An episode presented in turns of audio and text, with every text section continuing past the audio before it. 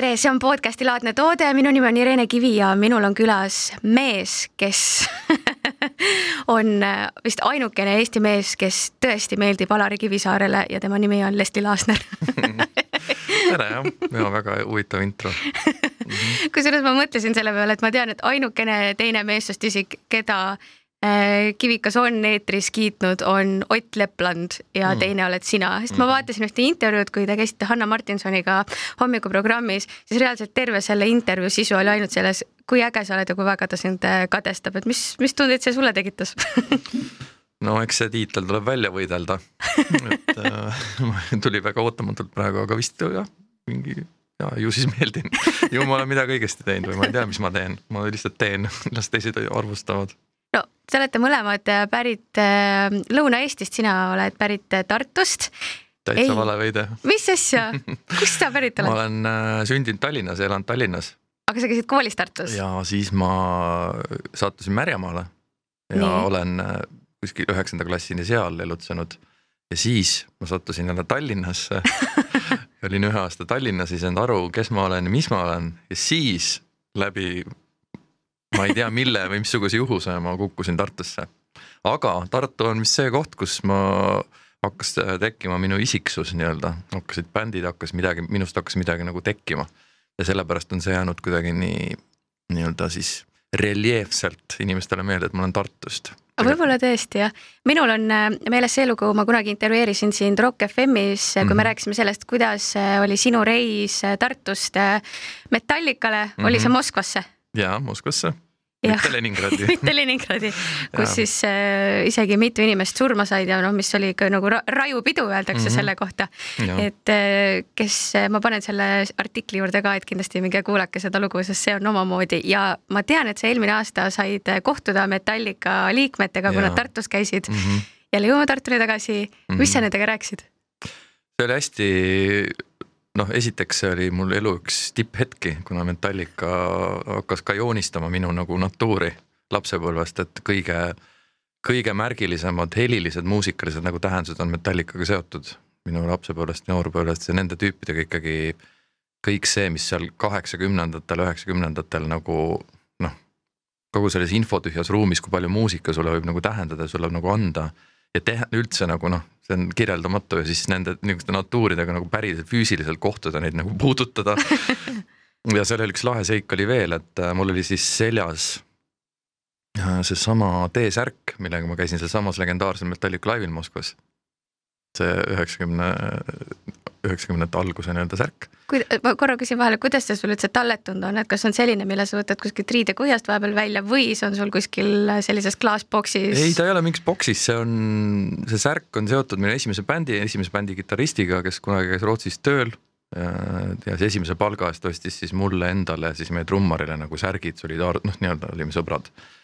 ja Justice for All'i särk on see ja selle albumiga seotud ja see album mulle väga meeldib muidugi ja siis see särk muidugi leidis kõvasti kandmist ja käis ära ka seal Moskvas, seal on ka paar väikest verepiiska peal mingid augud on tekkinud, aga see särk on lihtsalt kapis teiste teekate juures, ta on lihtsalt kõige all ja on olnud seal nagu terve selle aja, kogu aeg on ta reisil minuga kaasas, puhas valmis rünnakuks, nii-öelda munder, vorm.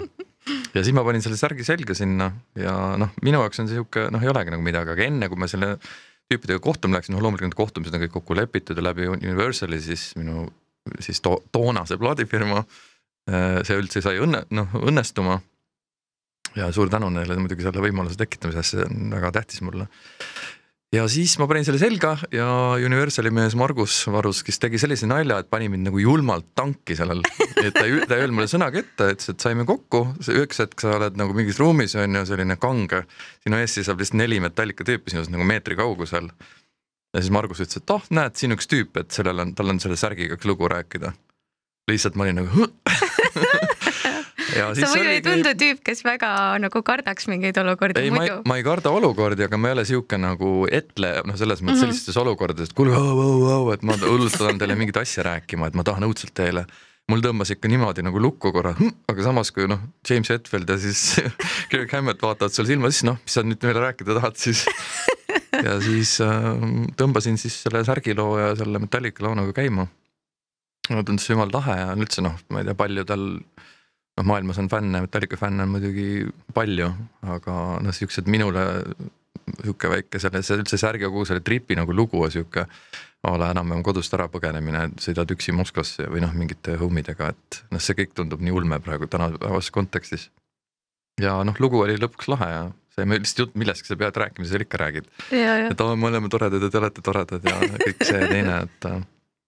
ja siis nii oligi, rääkisime, ma pärast kahetsesin ja mõtlesin, et kurat, see noh, üldiselt nagu kõik jahivad autogramme, signatuure, mul, mul ei ole nagu autogrammi fetišit, ma tahan oma nii-öelda mälupilti, ma tahan nagu olla kuskil kohas, mingi asja ära tunda ja see jääb nagu mulle, mul ei ole vaja seda signatuuri noh, see on tore, kui see on muidugi, mul ei ole midagi selle vastu otseselt. Mhm. -huh. aga pärast noh, seal on muidugi väga ranged formaadid ka, aga sa ei saa seal, et jooksed oma mingit, võtad kümme plaati kaasa, signeerige ära, et see on pärast e-base'e väike. jaa, snaiper võtab maha kohe et seda ei saagi, aga mul oli õudselt kahju sellest, et ma oleks võtnud selle oma originaali Master of Puppetsi kaasa albumi, oleks lasknud neil seda puudutada lihtsalt.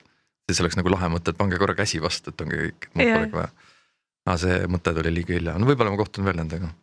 ma usun küll sinu äh, sellest äh, loost, äh, kuidas seal eelmises Rock FM intervjuus me ka rääkisime sellest, kuidas kuidas sinu, sündis sinu esimene bänd, kuidas oli Tartusse minek ja kes ei tea seda, siis sa oled Tallinnas ka EKA-s õppinud mm. -hmm. Ja EKA-st sai alguse sinu siis selline kunstniku äh, kunstniku. no äh, tegelikult see sai alguse ikkagi Tartus. okei okay,, no Tartus, et. see oleks võinud algust saada juba Tallinnas tegelikult veel üks samm, ma läksin tegelikult kõigepealt Kopli kunstikooli, aga seal äh, ma arvasin, et ma tahan ikkagi muusikuks saada ja siis ma ei saanud muusikuks ja siis ma läksin kuidagi, kukkusin Tartusse niimoodi, et et läbi mingite juhuste üldse, aga seal jah, ma sain sinna sisse elusasti ja hakkasin joonistama ja tegema ja ja sealt sai ikkagi see esimene impulss alguse ja siis ma jõudsin Erkisse otsapidi. ja siis see nagu signeeris või seal ma sain valmis või ma ei tea kuskile maale arenesin edasi, et noh, ülikooli tasandil. millal sai sinust äh, Leslie Tabas ehm,? ma ei mäletagi, ma arvan, see oli kahe tuhandendate tendante, tendante, tendante alguses kusagil, kahekümne tuhande tendante ehm, see oli nii, ma arvan, minust sai selline artist puhtalt sellepärast, et toimus äh, elektroonilise muusika võimaluste avar-, avardumine, pealetung ja. sest keegi ei jaksanud enam ainult Von Krahlis Jungle'i järgi tantsida. Ei, ei kusjuures mul ei olnud üldse see, mul oli see, et mul on kogu aeg olnud nagu kaks bändi, ma olen tegelikult hästi bändilojal, mulle meeldib üks mingi konkreetne asi, mulle meeldib üks bänd, ma olen selle eest, ma kogu aeg seisan, teen, olen sellega aga siis toimuvad mingid arengud, näiteks sa liigud ühte kohta, sinu sõbrad jäävad maha teise kohta ja siis sa nagu hakkad seal arenema midagi muud, ma ei ole kunagi läinud mäletamist mööda ühegi bändiga nagu lahku laiali. lihtsalt kõik on kasvanud nagu laiali, arenenud millekski uueks ja muuks. seda et... näitab ka seda, et sul on väga kaua olnud üks abikaasa. jah, võib-olla see kinnitab ka seda, et seal toimuvad ka arengud, aga see on ikkagi jah, üks sihuke, et see lojaalsus on mulle hästi tähtis.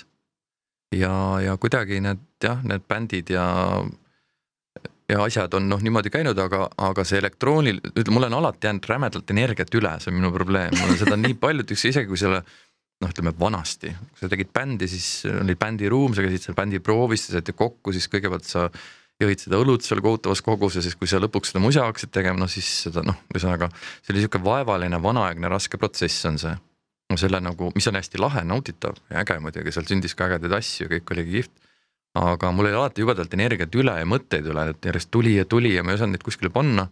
ja kui lõpuks tekkisid need arvutid, siis mul tekkis see võimalus, see on mul kodus ja kui mul bändid ja proovid on tehtud, kusagilt sealt Holmsi kõrvalt, kui me seda klubi tantsumuusikat tegime juba, siis ma hakkasingi muusikat ise tegema, sest see oli mulle huvitav ja ma tahtsin seda proovida teha ja mul olid loomingulised vajadused ennast väljendada veel, veel ja veel.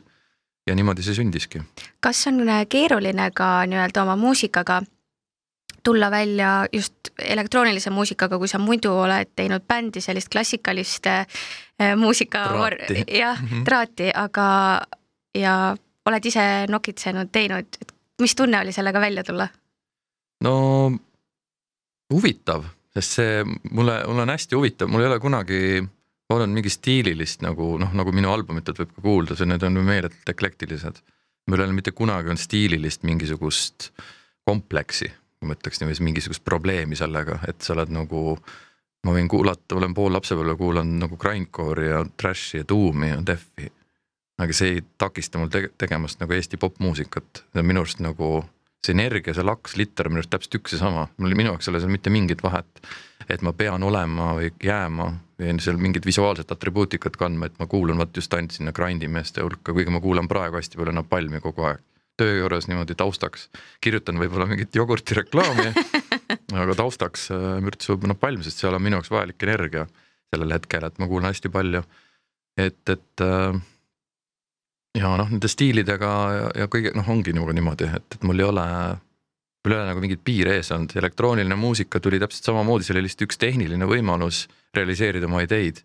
ja see elektroonika lihtsalt inspireerib sind looma teistsuguseid käike, kui sa võtad kitarri kätte, siis võtad, paned midi keyboard'i ja käivitad seal mingisuguse veeste instrumendi, siis noh, need on lihtsalt nagu noh, erinevad toonid, kui me räägime, ma ei tea, maali või balletis, erinevad värvid, mida sa hakkad kasutama, erinev tehnika, aga tegelikult see energia idee on ikkagi üks ja sama, mis sa edasi proovid anda, sa joonistad ikka mingit pilti. kui sa joonistad grindcore'i või tuumi lugu teed, siis sa joonistad ühesugust pilti ja kui sa teed elektroonilist, sa joonistad teist, teistsugust, et minu jaoks on see kõik nagu ma isegi ei tee erilist vahet nagu kujutaval kunstil visuaalselt ja muusikal, no minu arust on see täpselt üks ja sama asi, minu jaoks vähemalt. et mul see lihtsalt hakkas ise arenema. no muidugi see oli ka aeg, kus, kus paljud palju sealt metallist äh, inimesi läks ka niisuguse nagu elektroonika peale üle või noh, nii-öelda hakkasid tekkima mingisugused hübriidid, mingid bändid, et see oli maailmas ju leviv trend, et ma lihtsalt võtsin sellest osa, et, äh, et tegin ka ja, ja kõik on ise arenenud kuhugi, et see huu ja kõik see popp tuli sinna nagu otsa loogiliselt, et iga asi on nagu, tuleneb sellest eelmisest sammust kuidagi. Paljud asjad tulevad ikkagi uuesti, et minu jaoks meil oli just eelmises osas oli meil külas Bert Brickenfeld, kellega sa koos Huut tegid. Mm -hmm. ja ma nii-öelda käisin talle ette ka mõtte, et äh, on selline kollektiiv nagu Pitsa, kes tegi loo Tahmanägu mm -hmm. ja see on väga sotsiaalselt kriitiline, sarnane nagu depressiivsed Eesti väikelinnad. minu nagu eks ikkagi on olnud ju sotsiaalselt kriitiline, aga mitte sellise nagu Eesti väikelinna kohta, et kuna nad on niigi haprad, siis keegi ei taha neile seda teist allapoole lööki nii-öelda mm -hmm. teha mm. -hmm. aga et minu jaoks see oli selline depressiivsed Eesti väikelinnad vol kaks. Kusjuures ma tundsin ka midagi seal ära. Et ma olen seda lugu kuulnud küll paar korda raadiost, et äh, seal on küll sama moment jah. Ja ilmselt on seda tehtud ka enne seda depressiivsete lugu, seda momenti kasutatud, et eks need äh, aina enam kuulen ka seda mõttekäiku, et äh, see originaalsus kui selline, noh, et see, sa pead olema värske, selles mõttes, et kõik on tehtud nagunii. ja noh, kümneaastane samm, see on isegi pikk, et Who on ju täielik Rolling Stones selles mõttes nagu Eesti, et see on ammu, no et see noh, oli, oli suurelt see on ammu unustatud, see on nagu noh, mingisugune vana vundament, et on mingisugune retrospektiivne nostalgiline element, mis sellega kaasneb, aga tulevadki uued äh, pitsad peale, teevad sama asja ja teevad teistmoodi, teevad värskelt, teevad omamoodi, et see on tõesti, ma arvan, loog-, loomulik või loogiline. mina olen käinud äh, viieteistaastaselt proovinud seal numbreid liigutada õpilaspiletil, et saada, oli selline klubi nagu Korter mm, -hmm. kus Who päris mitu korda esines ja seal ma olen väga mitu korda teie kontserdil äh, ka käinud, et äh, praegu lihtsalt noh, selles mõttes isegi Rotermannis mööda käes seda maja isegi ei ole enam olemas mm. -hmm. tegelikult ma olen noh, kakskümmend pluss, et mm -hmm. ja juba ei ole maju olemas, kus mina olen peol käinud neid maju on väga palju, kus mina olen peol käinud, mida ei ole olemas mis sul üks meenub? no kindlasti on EKA sinu koolimaja, eks? ja see on esimene, mis tuleb kohe, kus on tegelikult äh, kogu indiskeene nagu välja kasvanud ju, et sealt lasketiirust ülevalt, mida on näha ka alt, et et see on esimene. ei noh, on need klubid on ikka mingid restkod, okei okay,, need majad on püsti, aga nendest kohtadest ei ole ju ammu enam mingid entrid ja mingid asjad, et. et palju on need, neid klubisid. ma olen ikka selles mõttes, ma kuidagi olen suutnud seda, mida olen suutnud, et mulle meeldib, et me ikkagi nagu koos Ingaga käime väljas nagu päris palju. et äh, ka need klubid kõik, mis tekivad, et äh, oleme kuidagi jäänud käima, ma mäletan Mutantis koduaegadel endal veel, et äh, ikka tihti nägime need põlvkonnavahetused ära, see on päris naljakas, et kogu käid, käid, käid pidudel, siis on üks seltskond on ära, siis kõik saavad lapsed ja käivad kuskil ära, tulevad uued peale. saad nendega näod enam-vähem tuttavaks, kaovad need ära, tulevad järgmised, et kuidagi on nagu jäänud, et peol käimine ja siukse kõva muusika sees olemine on ikka meil sihuke naturaalne vajadus, et siis seda me ikka viljeleme, on mingid perioodid, kus me käime vähem, aga mingid jälle, kus ikka iga nädalavahetus on väljaminek ja midagi reedel välja ja asi mutt. kas sa praegu kujutaksid ette kas sul on üldse sellel koroona ajalt tulnud selline peoisu, et tahaks minna sotsialiseeruda, käpa maha panna või pigem sa naudid seda sellist äh, aega? mul on see hea omadus, et mul ei ole kunagi igav. Et mul nagu see, et peole ei saa, ei ole mul mitte midagi ära võtnud. Aga muidugi on niisugune, et tahaks, ma nagu kujutan ette, et milline milline see pidu võiks nagu olla, kui nüüd see tuleb see liter ära, et ja kõik on nagu lahti ja jälle vaba ja mõnus, et pigem ootan huviga, et see võib tulla nagu väga, või noh, pidusid tuleb muidugi miljon, see on selge ja siis läheb siukseks pidutsemiseks, et ma ei kujuta ette. et äh, ja mis see hea artist, keegi on kohal ja kuidagi kõik on, tead, seal on isegi jumala suva, mängige, pange mingi Youtube'is midagi käima. see on vist ükskõik, mis seal mängib lihtsalt nagu. levikas see... olid need Youtube'i diskod alati üleval, seal oli mm, jumala savi. nagu karjalaskmine sihuke ongi lihtsalt, vasikad hüppavad sealt karantiinist välja ja siis põrkavad põllu peal seal, ükskõik, sul on mingisugune elektrikarjus ei ole, et vahet ei ole, kõigist risti-rästi läbi no aga enne oli see minu, minu jaoks vähemalt, et kõik jutud olid räägitud ja kõik peod olid käidud, et üks hetk tundus lihtsalt, et no noh mm -hmm., et, et ma ei mäletanud seda tunnet, et ma oleks järgmine päev üles ärganud ja mõelnud, mine pekki, kui lahe pidu oli. noh, pigem oli siuke või.... miks ma käisin ja raha otsas ja, ja riided haisevad. või siis, või siis see, et, et on see kass, et mida ma kõik rääkisin, mida mm, -hmm, mis mm -hmm. kõik sai jagatud, on ju, mis kõik sai tehtud, aga samas nagu nüüd ootad seda, et noh. esimese asjaga hirmuga teed Instagrami lahti vaatad story'd üle et oh õudu. Õnneks ei ole väga palju vaadata, paned kinni ruttu, kustutad ära mm. -hmm, et äh, aga noh, samal ajal sinul on äh, lisaks sellele, et sa oled teinud äh, filmi Kevin A ilmus sul ka plaat kakskümmend liitrit. kakskümmend L isegi. kakskümmend L võib liitrit võib öelda, ei ole väär, ei ole väär.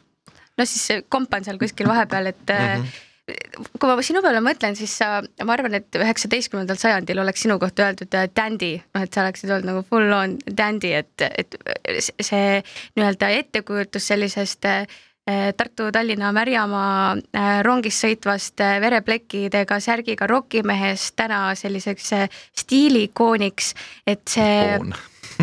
kindlasti oled, sina oled Eesti meeste jaoks kindlasti täna üks stiilikoon, et kuidas ja noh, selline nii-öelda, sa, sa oled nagu parajalt edev ka, et kuidas ja millal sul selline võib-olla huvi hea auto, hea riide, hea veini, ilusa maja järgi või kuidas sul see tuli võib-olla? ma just äh, mõtestasin seda edevuse mõttekäiku lahti mingid nädalad tagasi. eelmise aasta lõpus ilmus üks intervjuu veel kus oli sama küsimus, et kus, kuidas see, noh, et sa oled nagu edev. ma proovisin sellele nagu mingi vastuse leida, mis see minu jaoks nagu tähendab. et äh, ma ise leidsin sihukese koodi sealt, et mulle meeldivad lihtsalt asjad, mis on teistmoodi ja paistavad silma, et mulle, ma proovin lühidalt selle veel kokku võtta, et äh, ma näen hästi palju vae-, mitte vaeva, vaid mind huvitavad asjad, mind huvitavad, mind huvitab rõivadisain, mind huvitab auto, mind huvitavad autode ajalugu kitarrid, mingid asjad, mingisugused disainielemendid, kunst, mingid näitused, mingid raamad, mingid filmid. Mind huvitavad lihtsalt asjad. ma proovin leida asju, ma rääkisin, tõin näite nendest prillidest, mis mul ees on. noh, lihtsalt, et võib öelda, et vaata, millised edevad prillid tal on ees et miks need küll nii suured on ja miks nad sellised on. no ma võin nagu selle prilli näitel rääkida lihtsalt näiteks, et kõik asjad, noh okei okay,, mul on täitsa täiesti tavaline pusa seljas, musta värvi, see, milles ei ole mitte midagi erilist iseenesest. aga nende prillide näitel näiteks, mul on nii lai nägu, et ma ei leia endale poest prille. see on nagu algsignaal, ma ei saa poodi minna, sest kõik on kitsad mulle, mulle ei sobi need, mulle ei meeldi, milline välja näen, nagu mingi imelik.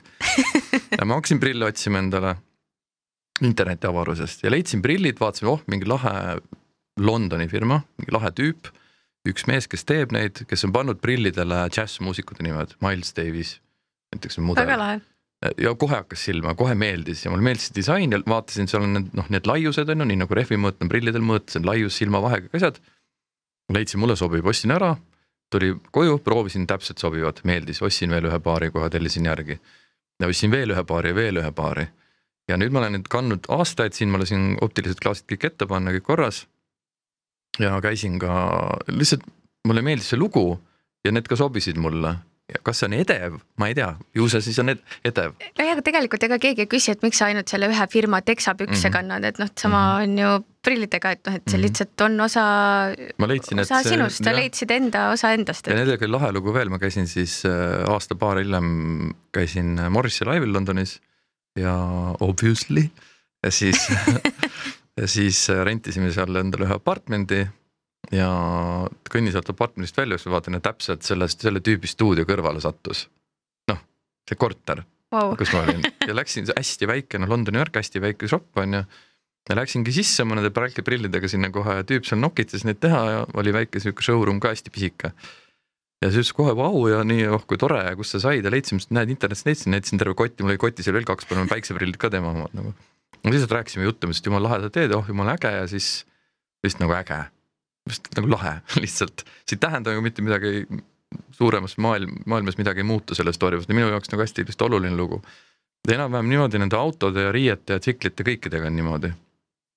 et kui sa vaatad peale, et oh, ma löristan sinust üks päev mööda ühe oranži mootorrattaga, mis on nagu, näeb välja nagu iga teine vana mootor, siis seal on nagu nihuke lugu taga minu jaoks, mida ma olen aastaid nagu uurinud ja lugenud ja tegelenud sellega ja kuidagi proovinud selle leida selle saada et see hakkab silma, sest ta on oranži värv ja noh, keegi ei tea, et see on seotud võidu, see on seotud ringrajaga, miks ta sihukest värvi on seotud kestvussõitudega, see bränd on ammu surnud, kust ta Itaalias tekkis, mis linnas, kes seda arendas, mismoodi see kõik on, see on lihtsalt nagu saadab, oh edev, lihtsalt edev sest see, need asjad, mis mulle meeldivad, tulevad välja. et ma ei tee asju sellepärast, et nad, esmane eesmärk ei ole mitte välja paista, vaid sellepärast need asjad on minu jaoks hästi huvitavad. et ka kitarrid ja kõik see maailm on ja mulle meeldivad teatud mingid mudelid, mingid asjad mis sinu lemmikmudel on? Eh, südamelähedane? no mulle õudselt meeldib Gretsch, aga ma ei saa ikkagi, mulle sobib kõige rohkem Gibson Les Paul Custom. aga, ja jubedalt kangutan ka Fender Stratti muidugi, klassikud ja seal on veel terve hunnik mingisuguseid B-brände, mingisuguseid, mulle meeldivad need Gretschid, kui Gretsch läks üldse halvemaks et ta kolis noh, nii-öelda müüdi maha ja kolis teise linna ja siis tal hakkas see brändi allakäik, enne kui nad Jaapanisse üldse müüdi mulle meeldib see periood, mulle meeldis lugeda, teada neid, siin olen ostnud mingeid pille USA-st kuskilt mingite tüüpide käest, kes on müünud, kes müüvad üldse ise mingeid autojuppe ja ma olen saanud mingi laheda pilli niimoodi, mis on nagu uus. Ja mis on vist Rick Springfieldi kitarr üldse tuli välja, noh, mingeid siukseid lahedaid lugusid on tekkinud, kus sa nagu otsid mingeid asju, suhtled mingite inimestega kuskilt lambi kohtadest nagu nii ägedaid story sid tekib. maailm on tegelikult väike. jah, on küll jah ja see on lihtsalt nii huvitav, mulle meeldivad taustalood, mingid story'd, mingid asjad, mingid pillidega kaasnevad, kelle käes oli, kus kohas, kuidas see nagu noh. kas sa kasutasid Rick äh, äh, Springfieldi äh, kitarri plaadil ka? jaa, kasutasin küll viimases loos äh,. Äh, ma lihtsalt lasen sellel juhtuda, kõlab see kitarr ka teiste hulgas. et sihuke nagu lahedad on siuksed asjad ja need ongi, need asjad hakkavad ka silma ja siis ongi, et tegelikult hästi lihtne ongi öelda, et see on edevus aga see on, see ei ole ainult väline atribuutika, seal on sees rohkem, sest ma lihtsalt huvitun asjadest, et mulle võib-olla, ma proovin hoiduda päris sellisest groteskist, noh ikkagi nagu noh, ma nagu ikkagi Versace't ma ei kanna. Noh, see kuskil on mingi, no mingid teatud asjad, no isegi nagu, kuidas öeldakse, Ferrari'ga on ka sihuke lugu, et äh, kui sul on Ferrari, siis inimesed vihkavad sind, nad ei vihka autot, aga nad vihkavad sind. See on nagu päris hästi hea. On ju, kuigi mulle meeldib üks Ferrari mudel kui ma kõik asjad vist maailmas maha müüks, mis mul on, siis ma võib-olla jooksen isegi osta. aga ma ei taha seda, sest ma noh, sul on nagu ikkagi nagu idioot otsa kirjutatud, no see nagu, sest tähelepanu on liiga suur, et kusagil on see groteski piir, mida ma ei saa, ei taha endale lubada, mulle meeldivad Alfa Romeod sellepärast, et nad on ikkagi nagu tegelikult tagasihoidlikud autod aga meil ei ole Eestis väga palju inimesi, kellelt küsida, et aga mis, mis brändi sa täna kannad ja mis lugu selle taga on, noh, et mm -hmm. selles mõttes, et ma, ma arvan, et see on igati positiivne, et meil on mm. -hmm. sinul äh,, nagu sa rääkisid ka praegu, sa oled väga palju ikkagi süübid sellesse, et mis äh, mis äh, puudutab äh, muusikat, pille, kunsti, filme, mis sulle meeldib, mida sa tarbid, et ähm, kui palju sa võib-olla igapäevase sellise uudisega kaasas käid või on sul, kas sa mäletad, millal viimati võib-olla sind midagi vihastas või, või sinu närvi toksis, et sa muidu tundud ülisuke chill tüüp et kas sind üldse, on sul midagi? Ei, ma ikka ärritun igapäevaselt aga ma ei, ei pritsi seda välja, et äh, panen selle, teen sellest midagi kasu-, see on ka sihuke nagu energia taaskasutamine või sellest nagu, ma olen kogu aeg mõelnud, et et mõtle, kui lahe, kui oleks sihukene äpp või selline nagu mingi rakendus, et sa saaks viha muuta energiaks. et mõtle, kui lahe see oleks, et sa saaks nagu negatiivse, inimeste negatiivse energia muuta positiivseks energiaks. Et see on nagu tulevikutehnoloogia. nagu veepuhastusjaam. jah, ma ei tea, mis puhastusjaam, see on nagu, see on nagu, seda on nii palju ja see tegelikult on, no kui see sinu sees on, kui sa oled millegi peale vihane, siis sa nagu noh, sa oled nagu särised, on ju. et mõtle, kui lahe, kui sa saaks sellest teha positiivse energia, panna mingi lambi põlema. no hea näide, Matrix. nojah, Matrix jah, et seda on nagu science fiction tasandil on seda nagu visualiseeritud, aga see võiks nagu päriselt toimuda. Et ma nagu loomulikult mul on ka teemad, mis mind häirivad. aga ma olen kuidagi niimoodi enda jaoks mõelnud välja, et, et negatiivse siukse info, ma olen isegi, ütleme, kui mind mingi asi häirib ja ma tahan selle kohta ka sõna võtta, siis ma teen seda alati huumoriga.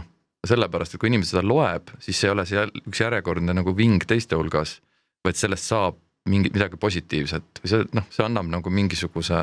sa filtreerid selle positiivseks. ma teen selle noh läbi naljaga, et isegi kui sa selle läbi saad mu pointi nagu kätte, siis samal ajal see teeb sul võib-olla tuju paremaks, seda on nagu vähemalt lõbus lugeda. et see ei ole sihuke kuiv ine, mida on nagu hästi palju, ma sellist kuivust, sellist kuivikute teemat nagu lülin kõige rohkem, et see on nagu no nii tülgastav lihtsalt nagu lihtsalt sihuke fantaasiavaene, kuiv selline mingi häda on nagu kõige jälgim asi, no tee siis sellega midagi, noh et et selles, sellega kogu nagu välja kirjutamine ei ole ka nagu mingi lahe asi, et noh, selge, et mingite ühiskonnas mingite teemadega peabki vastu hakkama, peabki võitlema, maailma tulebki parandada ja kõik see tulebki nagu teha. No näed, ma proovin võimalikult vähe nah-, mitte võimalikult vähe, vaid ma tarbin enam nagu nahktooteid, noh, kuna mul see olen, jätsin lihasöömise juba üheksakümne esimesel aastal maha, aga noh, ma ei ole täis vegan, et ma proovin kuidagi nagu veel siin ka vaadata, mis võimalused on, et nagu seda parandada. ma just tahtsin küsida, et kui sa ütlesid, et sa Morrissey, ma tean, et sa oled väga suur Morrissey ähm, fänn, et kas sul on mingeid nii-öelda harjumusi, mis, mis on ka temal, et ta on ikkagi väga häälekas ta on hästi häälekas ja see on, see on, kusjuures on, on, see on isegi laividel natuke häiriv. ja ma käisin Budapestis kaks tuhat viisteist ja seal ikkagi taga jooksid äh, lõigud, kuidas ja, lehmi ja. tapetakse, et mhm. jah, et ma saan selles suhtes, et mulle väga see oleks meeldinud, kui nad näitavad seda noh, hetkedel, kus ma ei tea, on siis lugu sellest, mis räägib mm -hmm. loomapiinadest mm, -hmm. aga jah, võib-olla tund aega. ta on läinud hästi on... radikaalseks selle koha pealt ja see on suhteliselt äh, noh, ma saan aru, ta noh seda kõik noh, see ongi tema, ta ongi selline, ta on seda eluaeg teinud ja noh, alguses oli see Meetis mööduja ajal ainult ja nüüd on seal juba introd ja seal noh, seda on nagu jõhkralt ja see on ikkagi niisugune nagu šokiteraapia juba. et seal on vahepeal jääb mulje, et seal käib mingi ususekti laividel ja vot see on päris nagu sa oled O2 areenal on ju, seal on mingi välja müüdud nagu Londonis seal taga käib nagu jõhker nagu retsib, noh, nii nagu muidugi niisugune see, see elu on ja, ja ma samadel põhjustel jätsin ka lihasöömise maha, et selles mõttes ma saan sellest kõigest aru, aga kuskil jääb ikkagi mingi romantika, mingi kunstiline element, mida ma nagu ootan tema laivilt rohkem või vähemalt noh, selline ikkagi läbi selle muusika kõige selle, et äh, aga ikkagi no seda maailma nagu peab parandama ja selles ta võitleb õige asja eest ja noh, ma samamoodi vaatan läbi väikeste asjade proovin ikkagi paremaks teha, sorteerid ikka prügi ja ja näed, uued saapad on jalas, kus ei ole nahka enam et on, on ikkagi vaatad igapäevaselt, kuidas arenevad asjad, et jube lahe, et ma teen kõik, et ikkagi ka maailma saaks paremaks teha ja, ja pisikestes asjades nii-öelda ainult. me rääkisime enne, kui me alustasime vestlust siin äh, podcast'i laadses tootes, et äh, suuresti on muutunud ka reklaamitrendid, et enam siin ei, ei reklaamita alkoholi, tubakat. Äh, mis sa näed, mis trendid on näiteks muusikas? ma ei tea, kas muusikas on võimalik üldse veel mingeid trende, et äh, üldse välja tuua, need muutused, need ringid on nagu nii kiired, seda muusikat on nii palju, et äh, see võidurelvastumine, et kas üldse keegi suudab nagu sammu pidada veel, mul endalgi on raske noh, kõik ja lisaks kõigele kõik need kolläbid on ju et nagu raske on isegi sammu pidada, ma ei tea, palju inimesi üldse sihuke asi nagu bänd, kui selline üldse huvitab tänapäeval, see on lihtsalt on mingi kõla, üks mingi asi, mida sa saad kohe tarbida mis on kohe sul ühe, isegi mitte näpule vajutusel, vaid isegi vajutusse ei pea endaga, sa pead midagi puudutama ja see kõik tuleb sulle. et, et ma ei kujuta ette, no pigem jälgin, aga siis huviga lihtsalt jälgin, mis toimub, et kuhu see viib nagu. Et kuidas äh,, hea nali, noh, kuidas see äh, kuidas need formaadid hakkavad dikteerima samamoodi tagasi, et vaata, kõik tehakse inimesele hästi kättesaadavaks, aga kuidas see teistpidi nagu tuleb tagasi, et äh, olin äh, Raadio kahes siis, äh, kui Koidule andsin nädala intervjuud siis Koit ütles päris naljaka asja, et äh, ma tükk aega naersin pärast, et lood on läinud nii lühikeseks, kaks minutit, et ei jõua isegi suitsu tegemas. vaata, arvates on see. ma olen kuulnud seda, et pandi need... palju pikem lugu peale, kui oli vaja et, käia, äh, siis. ja ongi kaks ja mida selle tingib, on ju ikkagi nagu noh, digiplatvormid, mis nagu ja. klikk on ju, klikkide arv ja vajutuste arv, et lühikesed lood ja kohe käib, noh, kohe jäi puudu. et need hakkavad no,, tule, sõidavad teistpidi nagu sisse-tagasi, et kas kas me kõik seda nagu tahame, tegelikult ei tea, aga et väga raske neid trende nagu ennustada, eks suured suured laevad ennustavad neid trende kogu aeg ja tegelikult nende trendide pealt ju seda muusikat luuakse, et see on ju äri ja teadus, ega siin polegi muud, et kõike on võimalik konstrueerida väga kiiresti. nagu reklaamis. põhimõtteliselt täpselt sama asi, et turundus on see äri ja seal liiguvad suured rahad endiselt, kes need saavad need saavad, kes ei saa, need ei saa midagi. ja, ja trend, ei tea, eks näeb, kuidas, kuidas see läheb kõik. mis sind on ees ootamas? mind ootab ees see, et äh, eelmine aasta siis äh, sain selle albumiga jällegi maha, mul on kuidagi olen mingisugune, ei ole jällegi asi, mida ma olen palju rääkinud, et ma arvan, et ma ei ole nagu plaani inimene. aga mul ikkagi mingisugune plaan või mingi vaade on oma asja tegevus, kuna tegevusi on nii palju, siis ma pean need kuidagi süstematiseerima. et kaks tuhat kakskümmend sai valmis album ja, ja nüüd kaks tuhat kakskümmend üks ma kirjutan hoolega filmi ja soojendan rannet nii-öelda joonistamise maali teemal uuesti ehk siis äh, praegu käib juba kõva kirjatöö kodus. Et äh, üks täispikk film on arendusel juba eelmisest aastast, sellele ma olen ka juba esimese noh, nii-öelda toetuse saanud ideele, sünopsisele ja kogu treatment'ile, et seda ma arendan edasi, sellest tuleb üks päris huvitav film. kui see jõuab tootmisesse, loomulikult see tootmine on võtmekoht ja see peab olema jah, ühesõnaga sihuke see ma ei tahaks ju teha igast asju, aga on veel väga paljud inimesed, kes tahavad teha ja selleks on väga palju raha vaja ja see raha on, seda jagatakse ikkagi mingitel alustel. Ja jah, nii on lihtsalt, aga see ei takista mul kirjutamast ja neid arendamast, et mõtteid on palju ja, ja jõuliselt tegelen sellega. väga kihvt. et see on nagu kaks tuhat kakskümmend üks põhiline, jah, siis eks ma ei pääse ka muusikast, ma arvan, et need kitarr on nagu aeg kaelas ju kodus, et kui sul on lahe kitarr, siis noh, isegi filmi vaadates nii-öelda ju nii-öelda tinistad vaikselt kõrvale, et. ei kogu... taha näppe eemal hoida. ei saa lihtsalt, kui see on hea instrument, ma kogu soovitan kogu lapse, lapsevanematele ka, et. Et proovige hästi natuke rohkem pill, noh pillid on kallid muidugi, aga heasse pilli investeerida, et see inspireerib palju rohkem nagu tegelema, kui sa mingi rondi annad lapsele kaela, siis nagu noh, sõrmed lähevad nagunii veriseks, aga siis nad on mitte nii verised, see ei ole nagu nii vaevaline, et head pillid nagu natuke kergemini hakkavad mingid asjad tulema, et see on. et ongi, kui ei saagi isegi pilli kaelast panna, selles mõttes, et eks ma teen ka mingit muusikat ja joonistan natuke ja maalin, kuidas jõuan ja. Ja siis on vaja juba, varsti on ju kevad on juba õhus, ma tundsin täna optimistina. et siis on jälle ringrada ja motoreisid äkki saab korraldada, see aasta jäi esimest korda üle äh, vist kaheteist aasta mul Itaalias käimata autoga ja motorattaga, et. Äh, kas te teete neid selliseid espresso peatusi? muidugi. jaa Need on jah, kas ta espresso on, ma ise kohvi ei saa juua väga, sest mul on pulss nii laes, et silmamunad hüppavad peast välja, et aga muidu jah, selles mõttes, et kujundlikult espresso peatus, aga noh, parem on kuskil seal Alpides üleval lihtsalt jääda seisma ja siis olla seal.